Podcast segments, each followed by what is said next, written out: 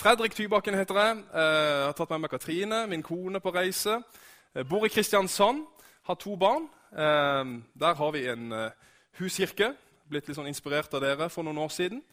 Eh, Og eh, ellers så går vi i det vi kaller for eh, eh, hva heter det? Vågsbygd misjonskirke. Misjonsforbundet der i tillegg. Eh, Og så jobber jeg da for Åpne dører. Og tusen takk for at eh, vi får lov til å komme her eh, og få til å være med og dele noe av dette viktige arbeidet som skjer der ute. Eh, og det jeg skal tale over i dag, det er Jeg har valgt tittel 'Gud er god'. Og jeg ønsker eh, ikke bare å fortelle om organisasjonen osv., for det kan være noen, for noen er det imponerende og gøy, mens, mens jeg er jo her for å formidle et budskap fra Bibelen. Jeg ønsker å forkynne, jeg ønsker å fokusere på hva vi kan lære av de forfulgte. For der tror jeg vi har mye å lære. Så er du klar? Yes. Så bra. Jeg studerte et år i England i studietida. og eh, Da lærte jeg ganske kjapt at når de kristne kom sammen, så hadde de sånn greeting, sånn hilsen. Eh, og det var sånn 'God is good', sa de typisk fra scenen. Og så responderte salen med 'all the time'. All the time, God is good. Så holdt de på sånn. Og Det, det var litt sånn artig, så det tenkte jeg vi skulle gjøre her i dag. Um, men men uh, uh, always God is good. All the time. Ja, all the time. Åssen er det på sånn jærsk? Blir det hele tida? Hele tida? Blir det det? Ok, Så da sier jeg 'Gud er god', og så sier du Så sier jeg 'hele tida', og så sier du Vi har det jo. Gud er god hele tida. Vi nailer det. Fantastisk. Dette er pastor Barom Kolmatov og hans kone Gulnora. Eh, de kommer fra Tadsjikistan. De har tre barn sammen, og så leder de en menighet der. Bare for noen måneder siden så ble han arrestert av sikkerhetspolitiet, beskyldt for å drive med ekstremisme. Denne mannen han ser, eh, Thomas, han ser ikke ut som Thomas Rake, men han driver med akkurat det samme. Han driver en menighet. Eh, Men i Tadsjikistan frykter myndighetene kristne, så de beskylder dem for å drive med ekstremisme bare for å kunne sette dem i fengsel. Eller for å gi dem bøter, eller for å gi det, bare for å liksom skvise noe av troa og det der engasjementet som det er masse av her. Det ønsker myndighetene i Tadsjikistan å skvise ut av de kristne. Så Derfor så setter de han i fengsel i tre år.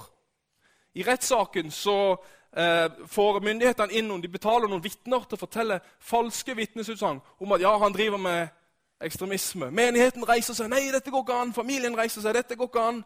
Myndighetene sier, 'Hvis dere står opp for Barom, så tar vi dere også.' Det er det jeg kaller håpløst. Dette var en menighet i Turkmenistan møtte da de kom til det her lille gudshuset sitt, der de feirer gudstjeneste. Der har det vært muslimske ekstremismer kvelden før.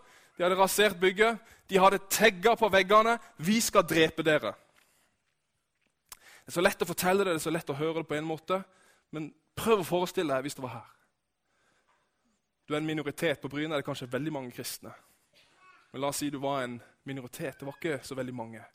Og så er det budskapet du får på en søndag. Eller alle vinduene er spraya med Allah. Allah! Jesus Kristus, en falsk profet, eller whatever de sier for noe. Eller han var en profet, men han er i hvert fall ikke Guds sønn. Dette var søndagsskolelærerne fikk. Ikke undervis våre barn. Og Når du leste den første om at vi skal drepe dere, så mister du litt av frimodigheten din når du møter barna på søndagsskole. Dette er Rena. Hun er fra India. Det er hun i midten med det hvite sjalet. Rena er 19 år gammel. Hun eh, ble født inn i en hindufamilie i en hindulandsby. Men ganske tidlig så ble foreldrene frelst. Takk og lov for det. Men det førte til at hun har hatt en kjempetøff oppvekst. Mobba, trakassert, utsatt. Eh, hatt en kjempevanskelig oppvekst på skolen. Mobba fordi hun var annerledes. Trakassert fordi hun var annerledes. Hun var en kristen.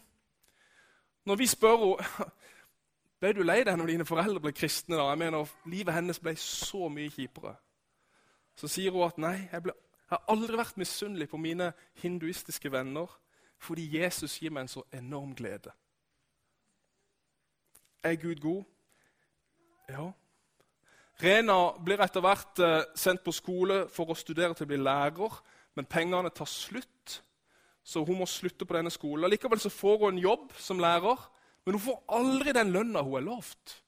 Også veldig vanlig for kristne rundt om i denne verden. De får aldri sine rettigheter. Så lønna kommer ikke til slutt. Hun slutter som lærer. Det hadde kanskje vi har gjort. ikke sant? Dagen etter, nå er vi i september 2016, så får hun et nytt jobbtilbud. Blir bedt om å komme på et lærerværelse da, på denne skolen eh, for å få informasjon. og Der møter hun andre lærere, eller noen få lærere, og bl.a. rektoren. Blir tilbudt noe snacks, og etter det så husker hun ingenting. I ti dager så blir hun holdt til fange, blir neddopa, blir misbrukt på det groveste, og så blir hun kasta ut på gata igjen. Familien finner henne selvfølgelig. Det er raseri. det er hva, hva, skjer? Det går til myndighetene, det går til politiet. De får lite hjelp. Etter tre dager så reagerer politiet. Da tar de til fange eh, rektoren og lærerne. Men de slipper raskt ut igjen. Rena blir suicidal, hun blir depressiv. Livet er på mange måter ødelagt for denne unge jenta. Men så er det heldigvis en lykkelig slutt på denne historien. og det er det at Jesus griper inn i livet hennes. Gjenoppretter henne fullstendig. Uh, og Vi møter henne etter at dette har skjedd, og da sier hun at uh, når vi spør om hvordan ser framtida di ut nå, så sier hun det at uh, jo, min framtid ser lys ut. Og så sier hun det som slår meg, jeg har lyst til å dele evangeliet med mine hinduistiske venner. Vi har hjulpet Rena tilbake til livet sammen med Jesus. da, får han jo si. Vi har betalt for sykehusoppholdet, og vi har hjulpet henne med utdannelse. og Dette bildet er fra et av disse seminarene som vi holder for å, for å utruste kristne og for å gi dem utdannelse, så de kan få seg en jobb. Dette med kidnappinger av kristne jenter det er veldig vanlig rundt om i den forfulgte kirke. I India skjer det. I Pakistan regner vi med at det skjer nesten to i døgnet. I Egypt skjer det kanskje én gang i døgnet. Og Da er det unge kristne jenter. Helst, eller Da er det som regel de som er rett under 18 år gamle. Ta de til fange. Gjerne doper de ned, holder de fanga fram til de er 18 år. For da har de lov til å konvertere. Så tvangskonverterer de jentene. Og så er det en eller annen ekstremist som gifter seg med dem. Og så ender de veldig ofte opp som en slave i f.eks. Saudi-Arabia. Kone nummer to-tre blir misbrukt, blir både psykisk og fysisk. Og Dette gjør måte, disse salafistene, altså muslimske ekstremister, disse nettverkene, spesielt i Egypt, dette gjør de for å svekke kirken. Jeg snakker om denne skvisen. Akkurat som du trykker tannkremen ut av en tannkremtube. Det er den sterkeste form for forfølgelse i dag. Det er ikke, bare, det er ikke disse bombeangrepene og liksom der, det du ser på nyhetene hvor, hvor selvmordsbomber løper rundt. Det er jo selvfølgelig forferdelig, men det er den skvisen. Det er den der, eh, i hverdagen. Du får ikke rettighetene dine. Eller vi tar ei jente, vi tar dattera di. Og Ofte så tar de døtrene til prester eller kristne, profilerte kristne, rike kristne som har litt penger, ressurssterke kristne. tar de dattera. Og så skviser de troen ut av det. Det skal bli håpløst. Dette er Miriam. Hun ble kidnappa i juni. Hun var kidnappa i 92 dager. Eh, ble nettopp funnet igjen nå. Det skjer ikke så veldig ofte. Eh, her er hun eh, nylig kommet tilbake til sine foreldre. Det er fantastisk å se. Det er mulig. Bønn hjelper. Forfølgelse, forfulgte kristne. Deres hverdag utstøtt, trakassert, trua, slått, diskriminert, fengsla. Det er så mye urettferdighet. Den filmen du så, sier 100 millioner den er tre år gammel, den filmen. I dag vet vi med sikkerhet at over 215 millioner kristne opplever enten høy eller svært høy eller ekstrem forfølgelse. Over 79% av verdens befolkning lever i land der det ikke er trosfrihet. 79% Vi lever på den grønne gren. Selv om det begynner å presses her også. Så én ting er jo sikkert. Du hører disse få eksemplene. Det er jo at De trenger oss. de trenger vår støtte. De trenger vår bønn. ikke sant? Jeg tror vi alle bare kjenner på åh, ja, det gjør vi. Men er det bare fordi det er synd på dem at de trenger oss? Trenger vår støtte, trenger vår bønn? Jeg tror at Guds ord Jeg liker ikke ordet, men forplikter oss til å stå sammen med dem. Bibelen er smekkfull av dette her. Det fins noen bibelvers da, som, som, sier noe om at dette er på Guds hjerte. De forfulgte. Du Kanskje kjenner du igjen den lignelsen fra Matteus 25. Overskriften er 'dommen', så det er jo litt sånn alvorlig. Men han snakker om disse mine minste søsken. Det dere gjorde mot en av disse ikke sant? De satt i fengsel, eller de var nakne eller var syke osv. Det dere gjorde mot en av disse minste, mine søsken, det har dere gjort mot meg. Og det er så tydelig, og det er bare noen eksempler på hvordan Jesus identifiserer seg med sin menighet. Det gjelder jo ikke bare de, det gjelder jo oss også. Det er jo en eget tema vi kunne ha forkynt. ikke sant? Det er fantastisk hvordan Jesus virkelig identifiserer seg med oss som tror. Vi som er hans barn. Så Det er i Matteus 25, og så har du den kjente historien hvor, hvor Saul Paulus ikke sant, er på vei inn mot Damaskus og skal forfølge og ta de kristne i Damaskus. Og Så møter han Jesus på veien i et syn eller et lys der. Og Så sier Jesus, 'Saul, Saul, hvorfor forfølger du de kristne?' Nei, det er jo ikke det han sier. Han sier, 'Saul, Saul, hvorfor forfølger du meg?' Ja, hvem er du? Jo, jeg er Jesus Kristus, den du forfølger. Wow! Jesus virkelig identifiserer seg med sin menighet. Paulus om ett lem lider, ja, da lider vi alle andre med. Han snakker om Jesu kropp, hvordan alt henger sammen.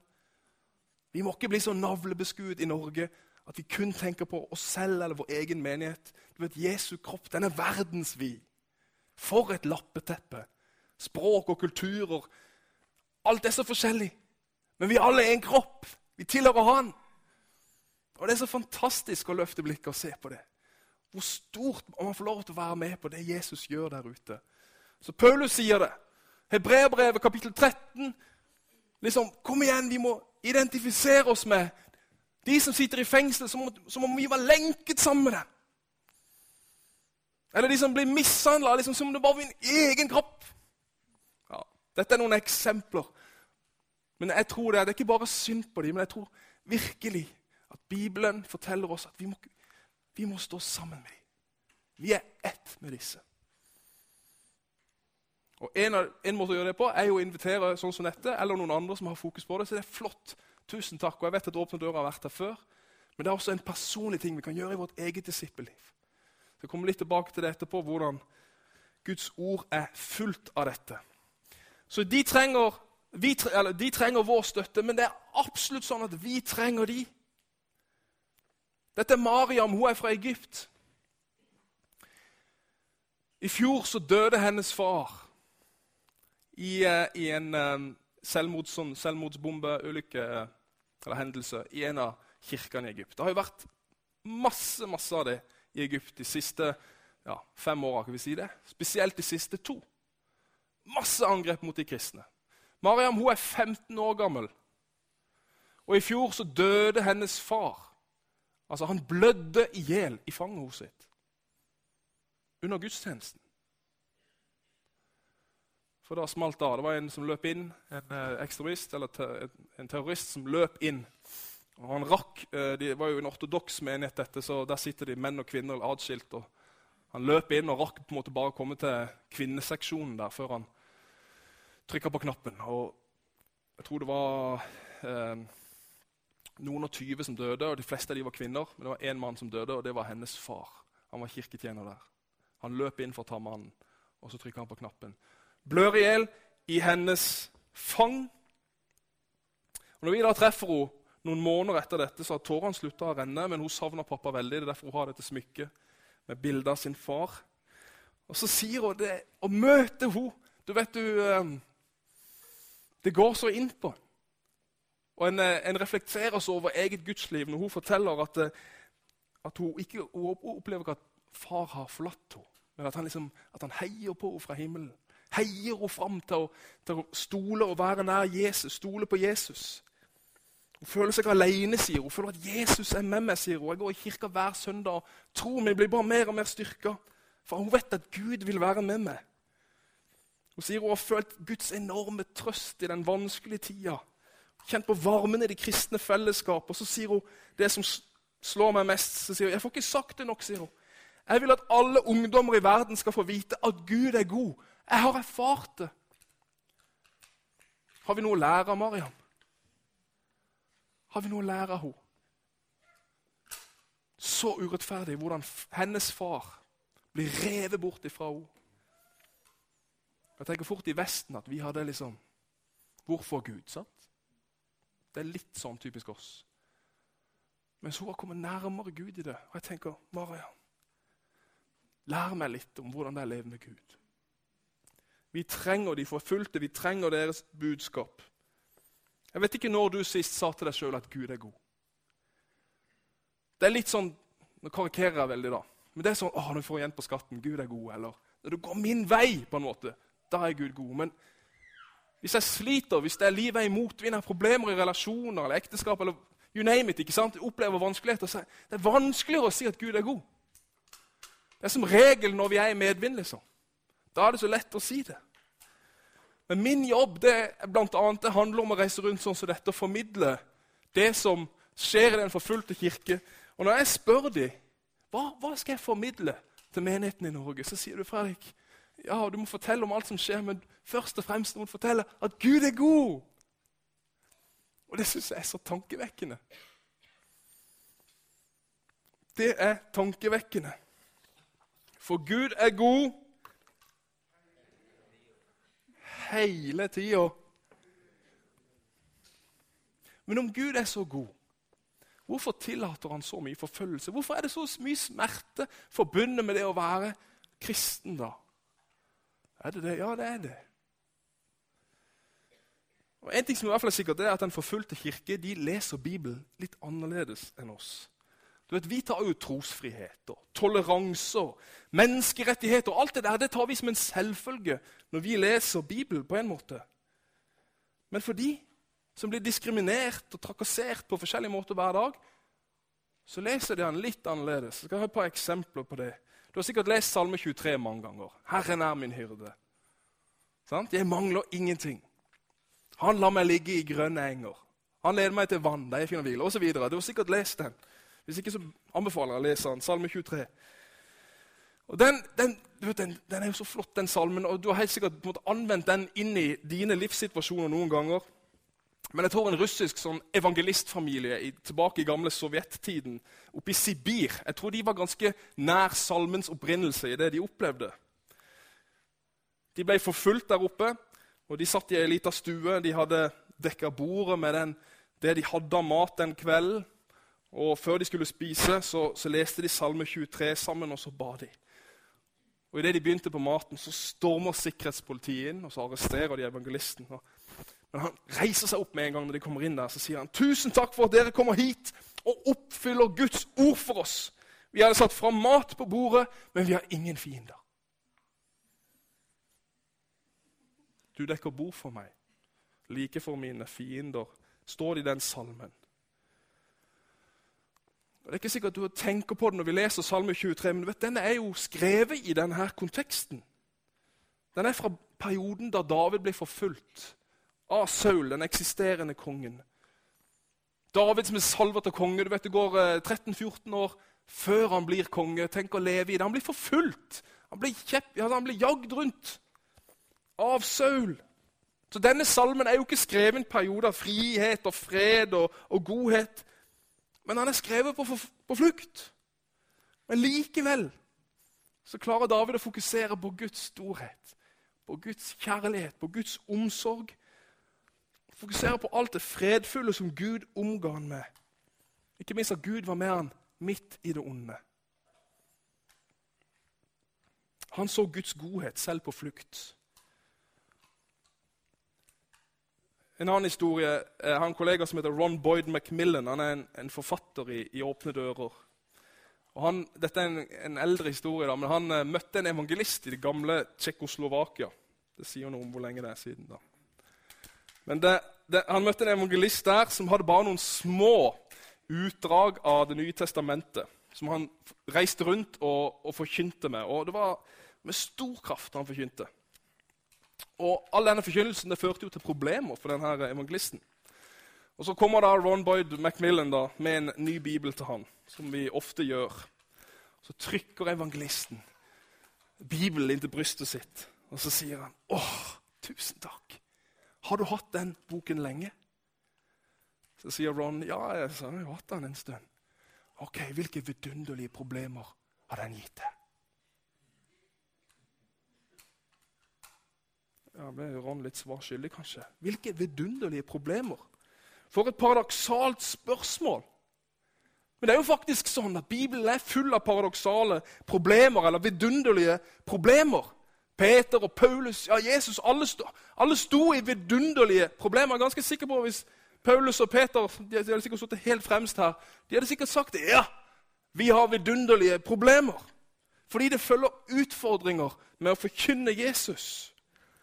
Paulus går jo så langt i Filippene 1 om å kalle det at vi har fått nåde. Altså det er nådefullt å lide for Han. Hvordan går det an å si det? Eller, eller Jesus sier jo 'salige' er de som blir forfulgt for rettferdighets skyld, for himmelriket er deres. Ja, salige er dere når dere for min skyld håner og forfølger dere, lyver og snakker rundt om dere på alle vis. Gled og fry dere for stor lønn dere av himmelen.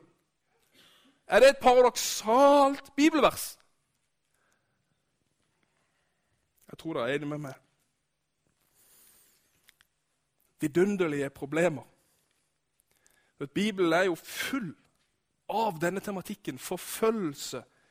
Hvis vi hadde tatt ut de versene som snakker om dette i, det, i, i evangeliene, hadde det blitt atskillig kortere. Paulus, ikke Vi er glad i brevene hans.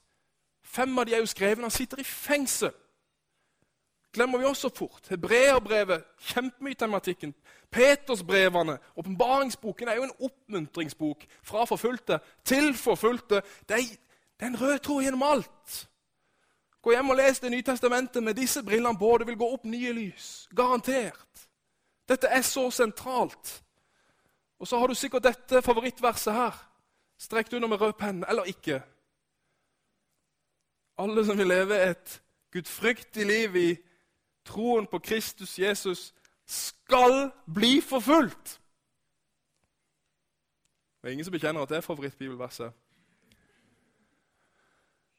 Nei.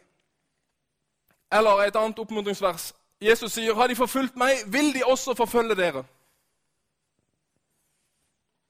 Så å lide for sin tro og ha det tøft pga. sin forkynnelse av Jesus eller tro på Jesus, det er helt naturlig hvis vi tror Bibelen og det den sier. Men spørsmålet er er det sant? Er det sant, eller er det ikke sant? Og Nå skal jeg begynne å virkelig preike, så nå får du bolte deg fast. For hva er det vi har lært? Jeg karikerer også veldig her. Har ikke vi hørt noe annet egentlig om det å følge, følge Jesus? Har ikke vi hørt det at det å leve med Jesus, det, det er bare godt ved det?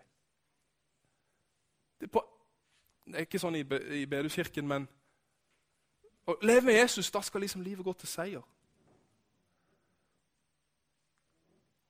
Å leve med Jesus er jo ikke forbundet med risiko i våre kretser.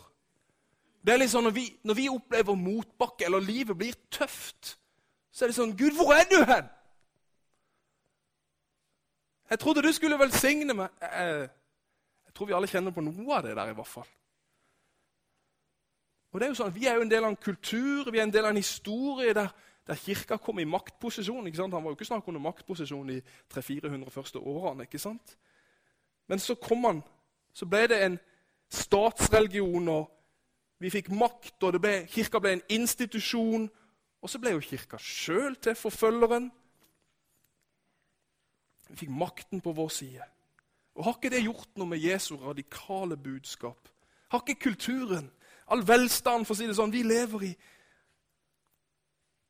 Har ikke det prega vår holdning og vår forståelse av hva det er å følge Jesus i dag?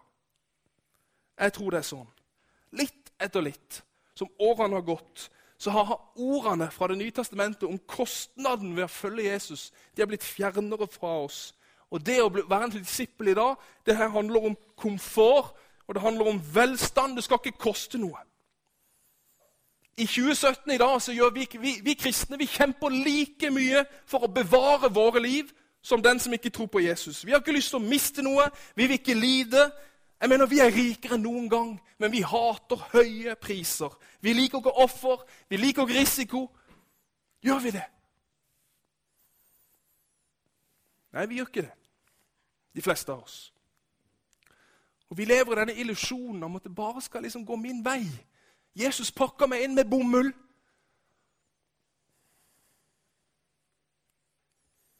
Spørsmålet er er det bibelsk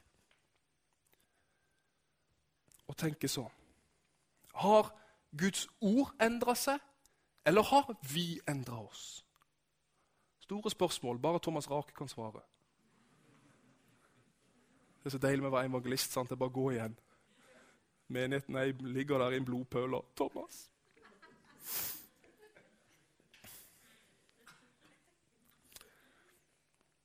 Noen, noen, vil si det. Jeg sier noen, for det er som regel meg som sier det, men jeg hører andre, jeg hører andre sier det også da. At vi er ikke forfulgt i Norge eller i Vesten, men vi er forført. Har du hørt det før? Ja, godt. Vi er ikke forfulgt, men vi er forført.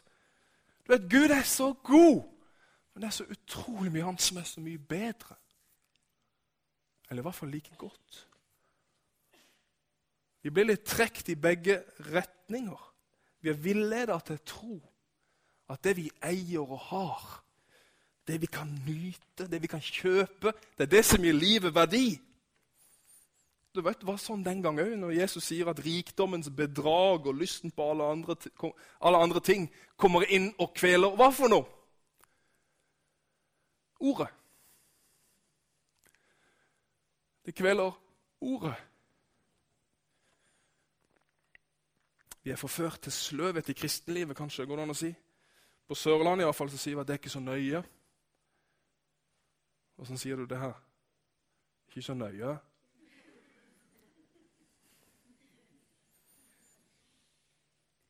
Hengivenheten til Guds ord, til bønn, helliggjørelse, modig bekjennelse tro, leve i radikal kjærlighet. Mange av disse tingene her er på full retrett i mange kristne miljøer.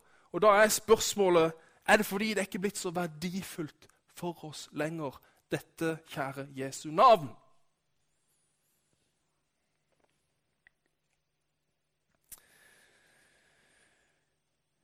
Og Da er det kanskje ikke så rart at, at dette bibelverset blir fjernt for oss.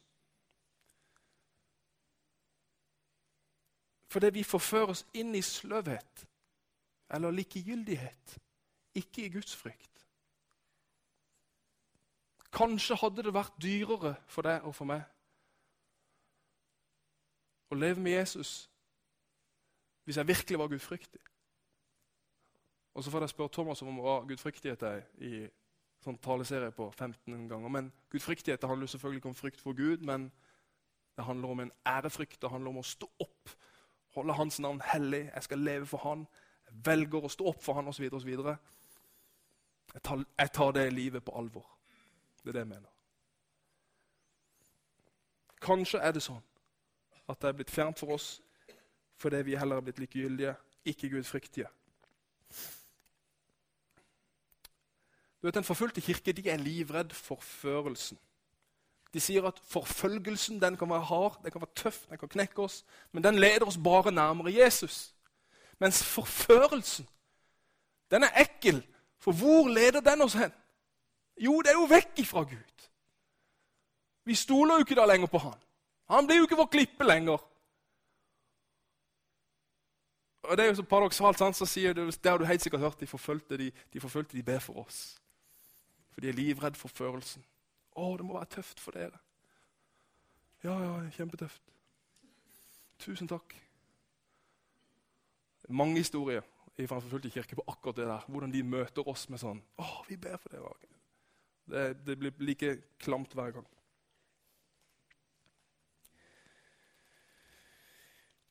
Guds rike, vet du. Guds rike, det går fram. Jeg skal ikke lage noen tese på det.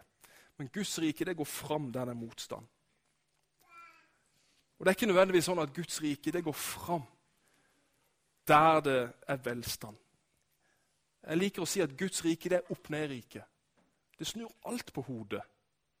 Det er så annerledes enn hva denne verden er. Det er jo ikke med bomber og med muskler og med granater og med rettigheter og med politisk makt som mange som er, er så opptatt av. Når Gud spenner sin allmektige biceps, så er det ikke som et amerikansk krigsskip eller som Arnold Schwarzenegger, for dere der som, som kjenner bodybildene der. Nei, når Gud spenner sin allmektige biceps, så ser det ut som Jesus Kristus som henger på et kors, som gir sitt liv for denne verden. Det er jo kraften, det er jo seieren i Guds rike. Den altoppofrende kjærlighet. Golgata, det ultimate eksempel på hvordan Guds rike går fram. Men det er også et kall der på det korset hvor Jesus henger, til min og din etterfølgelse. Det er et eksempel til etterlevelse. Du vet, Vi skulle jo være folk av korset hans disipler. Vi skulle stole på kraften i det å gi sitt liv. Leve ut den altoppofrende kjærlighet. Fordi han har gitt oss nytt liv. Han har reist oss opp. ikke sant? Vi skal leve dette nye livet. Da handler det ikke om meg og mitt og min komfort og om å hegne om alt og mitt, med det, det må leve ut evangeliet. Slik Jesus gjorde det. Fordi jeg er oppreist med han. Spørsmålet er om jeg klarer å stole på det. Det som ser så usselt og det som ser så svakt ut. Hvordan kan det være til seier?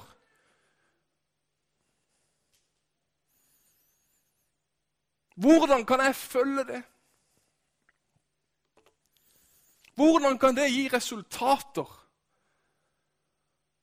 Og gi sitt liv? Burde vi ikke heller kjempe imot? Burde vi ikke heller stå opp for våre rettigheter? Burde vi ikke ta vare på oss sjøl? La, la, la, la, la, la. Guds rike er opp ned.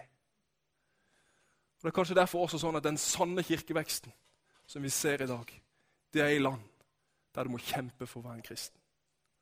Der du må ofre, der du må gi, der du må lære deg å elske dine fiender. Mens i Vesten, Europa, hvor kirken er på full retur Ser du bildet?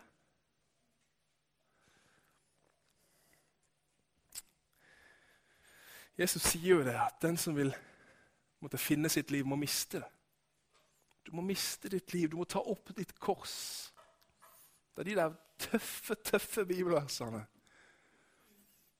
Det er det han kaller oss til. Og det er det korset vi er kalt til å bære sammen med våre forfulgte søsken. Nå kan du snart gjøre klar den filmen. Jeg skal avslutte nå. Men jeg tenker at det er, jeg har tenkt mange ganger på det. Hvordan kan jeg, hvordan kan jeg gi min respons til den forfulgte kirke. Ja, sant? vi ser det at Bibelen den, den sier ta vare på de forfulgte, be for de, stå sammen. Du er ett med de, det er et samme kropp. Jesus identifiserer med oss, vi må identifisere oss med de. La, la, la, Hvordan kan jeg gjøre det? Jo, jeg kan be. Jo, jeg kan, okay, jeg kan stå sammen med Åpne dør eller alle andre organisasjoner som gjør det for å bli informert. så jeg liksom er mer, jeg, Det er lettere for meg å identifisere meg. Men jeg tror det beste vi alle kan gjøre for de som ikke kan bekjenne sin tro uten å få problemer, det er i hvert fall at vi gjør det. At vi reiser oss opp i en sterk bekjennelse om at jeg tror på Jesus. Og at jeg er villig til å ta den kostnaden. Og Du blir ikke drept på brynet vet du, for å tro på Jesus. Du blir kanskje upopulær. Du får kanskje ikke den jobben du hadde lyst på. På sikt i hvert fall. Jeg vet ikke hva konsekvensen som ligger for oss i Norge fremover, men noe vil det bli. Men vi må begynne. Og ikke skamme oss evangeliet. Jeg vet ikke hva du ser i ditt liv som ville gitt deg noen utfordringer ved at du enda mer tydelig valgte Og da mener ikke jeg liksom den derre Jeg er kristen, og jeg er derfor kritisk til det du driver med, eller jeg er ikke med på Jeg melder meg ut. Jeg skal brenne alle bøkene dine. Nei, altså uh, Hear me right her. Vi legger ned vårt liv, folkens. Ikke vel? Vi er folk av korset.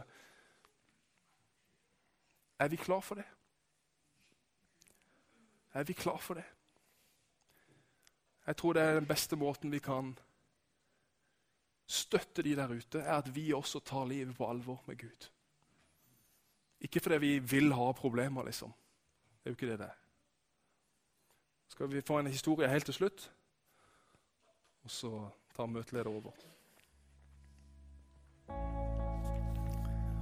I remember being challenged by a girl called Fatima from Saudi Arabia. She was in her mid 20s and living in one of the most hostile places on earth to be a Christian. She'd not always been a Christian, in fact, she started life as a Muslim. It wasn't long after this that Fatima began blogging, began getting online and writing blogs for, for her friends to read. She wanted to share her newfound excitement for God. She would do it under an alias called Rania, which translated means contented.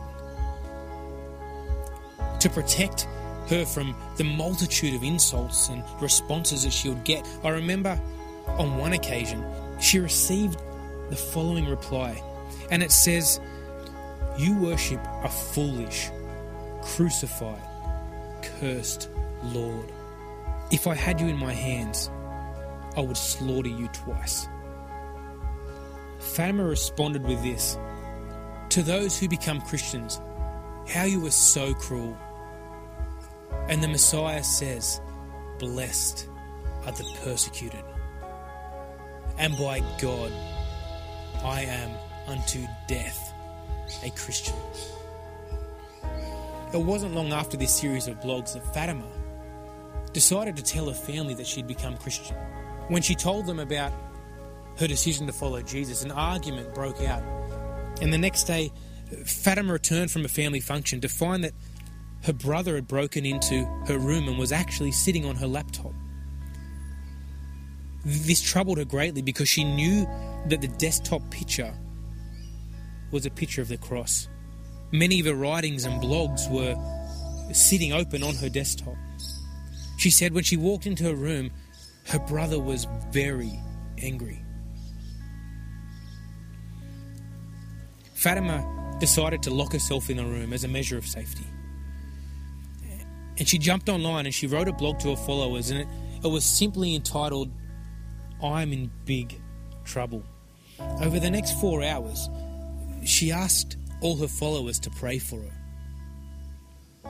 Shortly after this, Fatima's brother returned to her room. He burned her face. He burned her back. He cut out her tongue. And he killed her.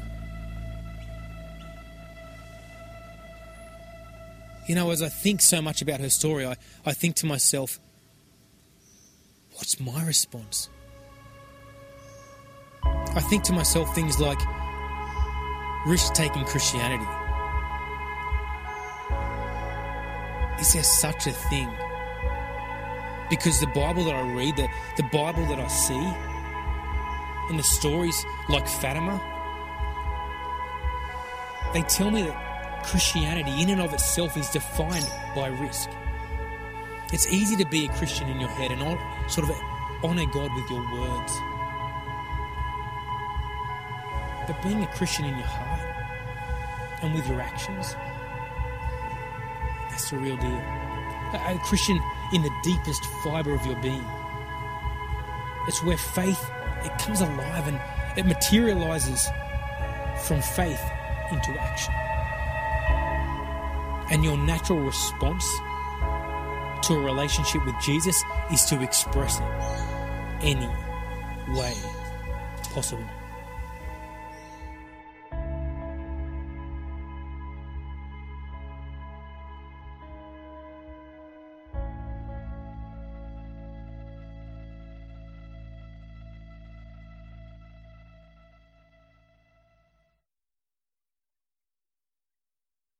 risikovillig. Hva er vår respons?